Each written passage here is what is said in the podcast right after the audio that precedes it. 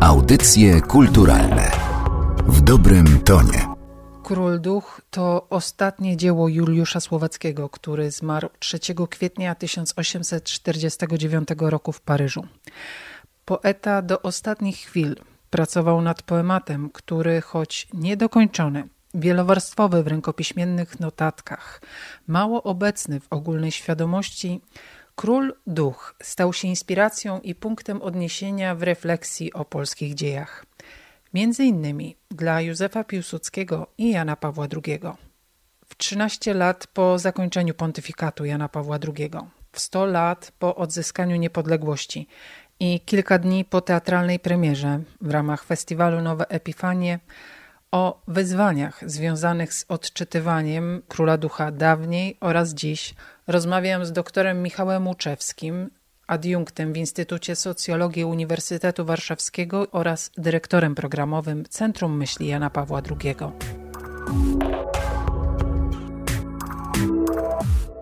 Wielokrotnie podkreślał Pan, czy to podczas debat, czy w publikacjach, że czytanie Króla Ducha przez ostatnie 100 lat jest sprawdzianem z odczytywania naszej historii i tożsamości. Król Duch jest fascynującą opowieścią i pewno jest taką opowieścią o polskiej historii, która nigdy nie powstała wcześniej i pewno nigdy też nie powstanie. I trudno w ogóle nawet taką opowieść powtórzyć, bo to jest wyjątkowa opowieść, która z jednej strony pokazuje mrok polskich dziejów i oparcie polskich dziejów na męce ciał, na cierpieniu ludów, y, na ludobójstwie, na nieustannych ofiarach, a z drugiej strony jest taką ciemną opowieścią, która może czasami wieść do nawrócenia. I to połączenie ciemności, a z drugiej strony jakiejś takiej dziwnej nadziei wbrew tej ciemności i wbrew tym wszystkim okrucieństwom y, polskiej historii jest czymś pięknym. I każdy z nas stykając się z tym dziełem idzie jakąś swoją drogą. Jarosław Marek Rymkiewicz wydaje mi się, że idzie tą drogą ciemności. Jan Paweł II, Karol Wojtyła poszedł drogą jasności. Ja idę też jakąś swoją drogą, starałem się iść za Janem Pawłem II, czyli czytać to dzieło właśnie jako dzieło o nawróceniu. Wspomniał Pan o książce Jarosława Marka Rymkiewicza poświęconej Słowackiemu. Jarosław Marek Rymkiewicz poświęcił nie tylko taką wielką encyklopedię Słowackiemu, i nie tylko książkę Iluś Słowacki pyta o godzinę, ale wydaje mi się, że cała twórczość Jarosława Marka Remkiewicza jest takim przyczynkiem do słowackiego, mimo że czasami ten słowacki tam się nie pojawia. I też takie jakby w pewnym sensie zawieszenie takich kategorii etycznych w opisie rzeczywistości społecznej i zwrócenie uwagi na rolę krwi i przemocy jako takich aktów fundujących rzeczywistość społeczną, fundujących wspólnotę, też wspólnotę Polaków, że na przykład dla Jarosława Marka Rymkiewicza czy powstanie y, warszawskiej tragedia powstania warszawskiego była czymś złym czy dobrym, to schodzi na dalszy plan. Ważne to było coś wielkiego, coś epokowego, coś szalonego i właśnie na tym szaleństwie buduje się współczesna Polska. I tak samo patrzył, w ogóle na Polskę patrzył Juliusz Słowacki, którego nie przerażały pogromy na przykład Polaków na y, Ukrainie ta hajdamatczyzna go nie przerażała, bo na tym właśnie miała się tworzyć polskość, właśnie przez tą mękę ciał.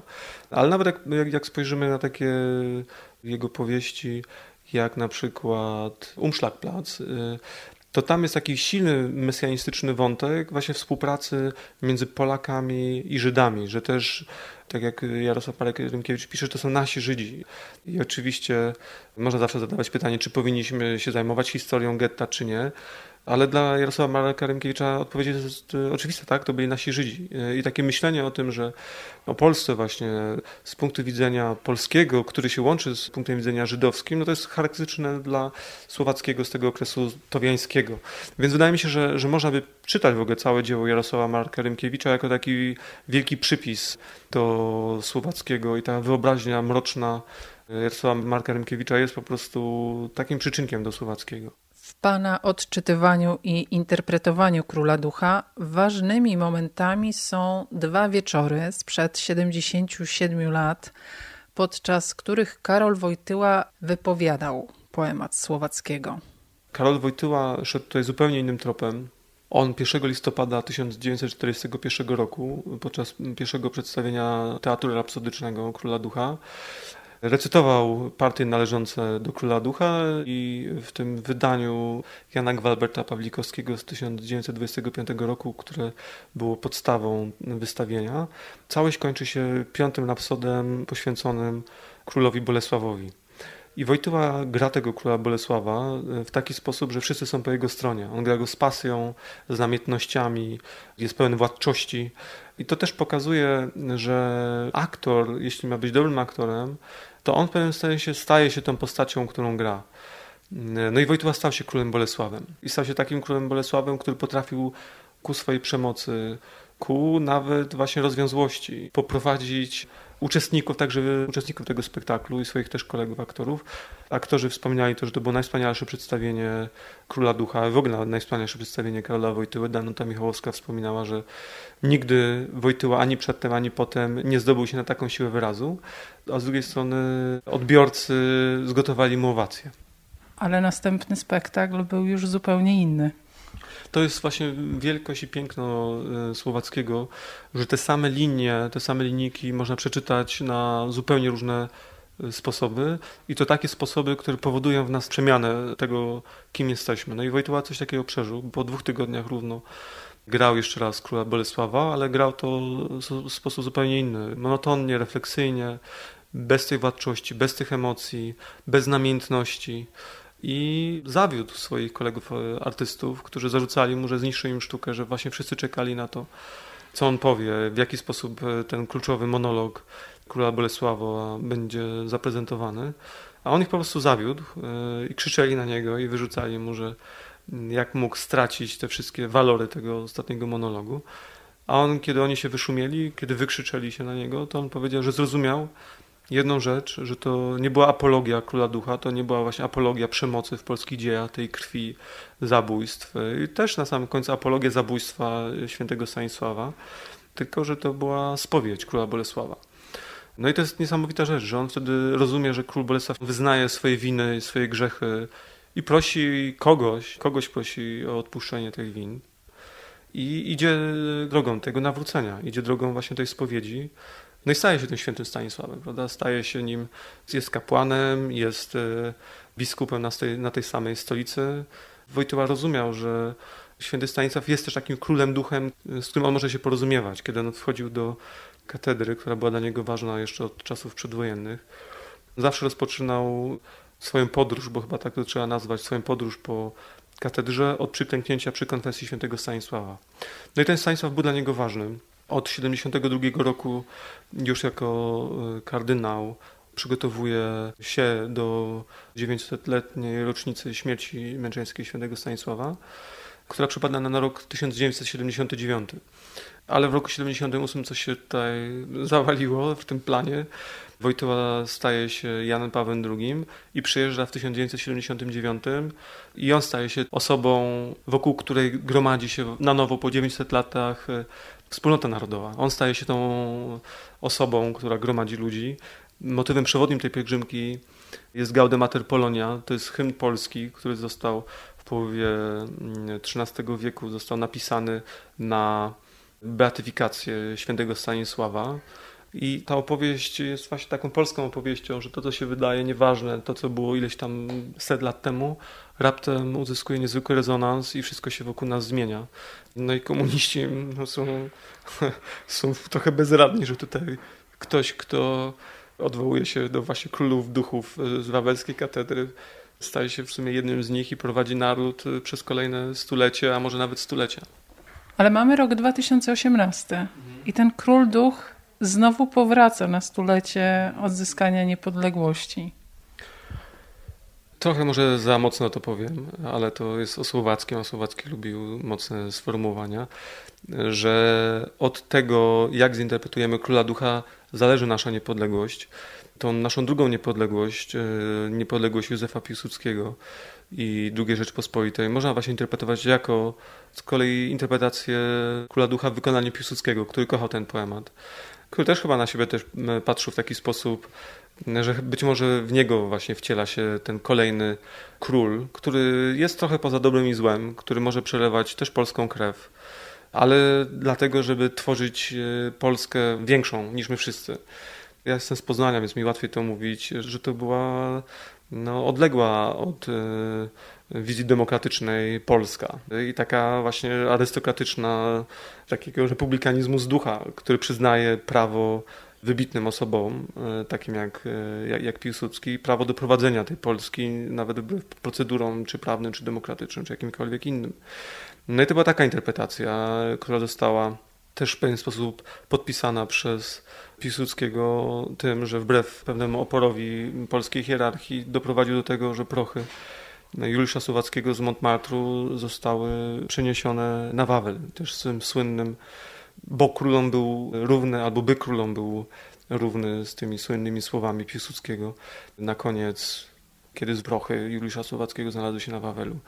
A kolejna polska niepodległość to właśnie była ta niepodległość robiona przez Karola Wojtyły w ciemnej nocy nazizmu w Polsce, że on budował właśnie polską niepodległość, taką niepodległość od wewnątrz, nie walką, nie krwią, nie przemocą. E, nawet trochę wbrew Słowackiemu, bo on tam mówi w pewnym momencie o tym, że chyba to jest król Bolesław, że Germanów tnie tam jak e, łany żyta.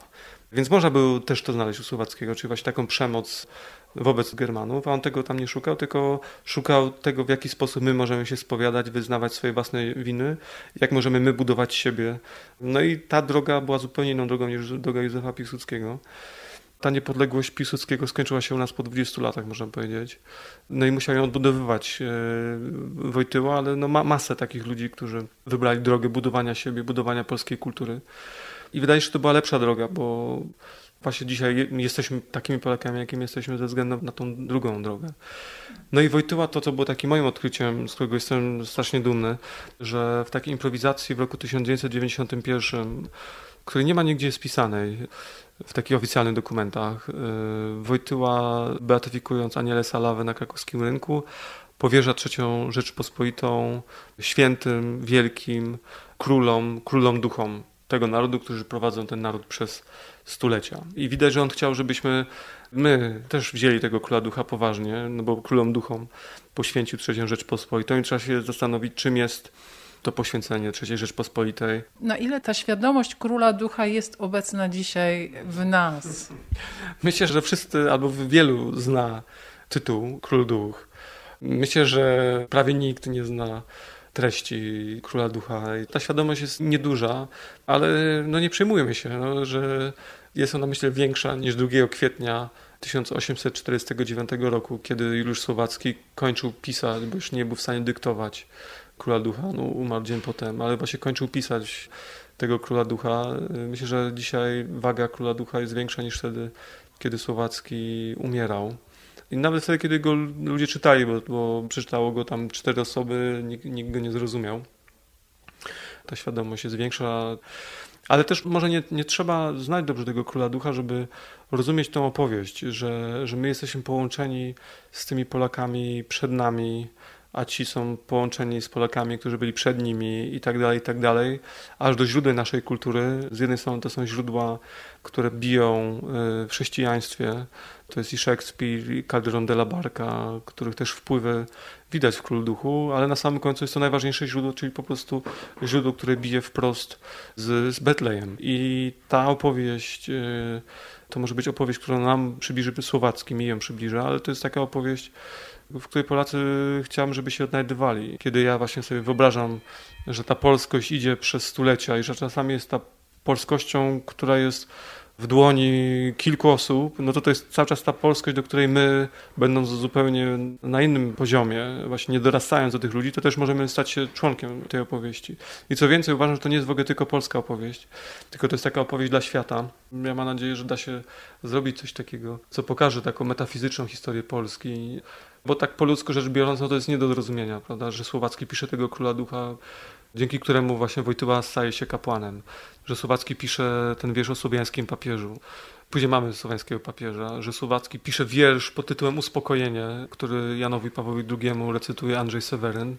I to jest wiersz z 1844 roku, który opisuje, jak cała starówka tam zostaje uniesiona w powietrze przez powstanie i że katedra świętego Jana właśnie też zaczyna drgać w tym powietrzu. I prawda, i równo 100 lat potem jest powstanie warszawskie i rzeczywiście ta starówka unosi się w powietrzu. Później katedra świętego Jana, właśnie, która była miejscem najzaciętszych walk, zostaje odbudowana. Przyjeżdża w roku 79 Jan Paweł II do tej katedry świętego Jana i rozpoczyna właśnie stamtąd e, swoją pielgrzymkę, a dopiero później idzie na plac e, Piłsudskiego i mówi o duchu. I też mówiąc do prymasa Wyszyńskiego, że wzniósł tą katedrę właśnie w trzy dni.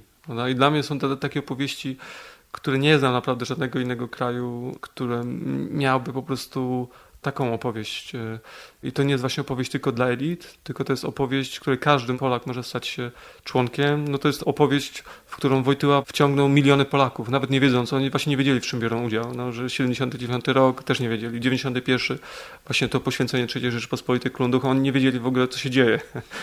A mimo to właśnie my byliśmy częścią tej historii, teraz trzeba sobie zdać sprawę właśnie jakiego typu to byłaby historia. No i, ta, i ona musi zostać jakoś opowiedziana. Audycje kulturalne w dobrym tonie.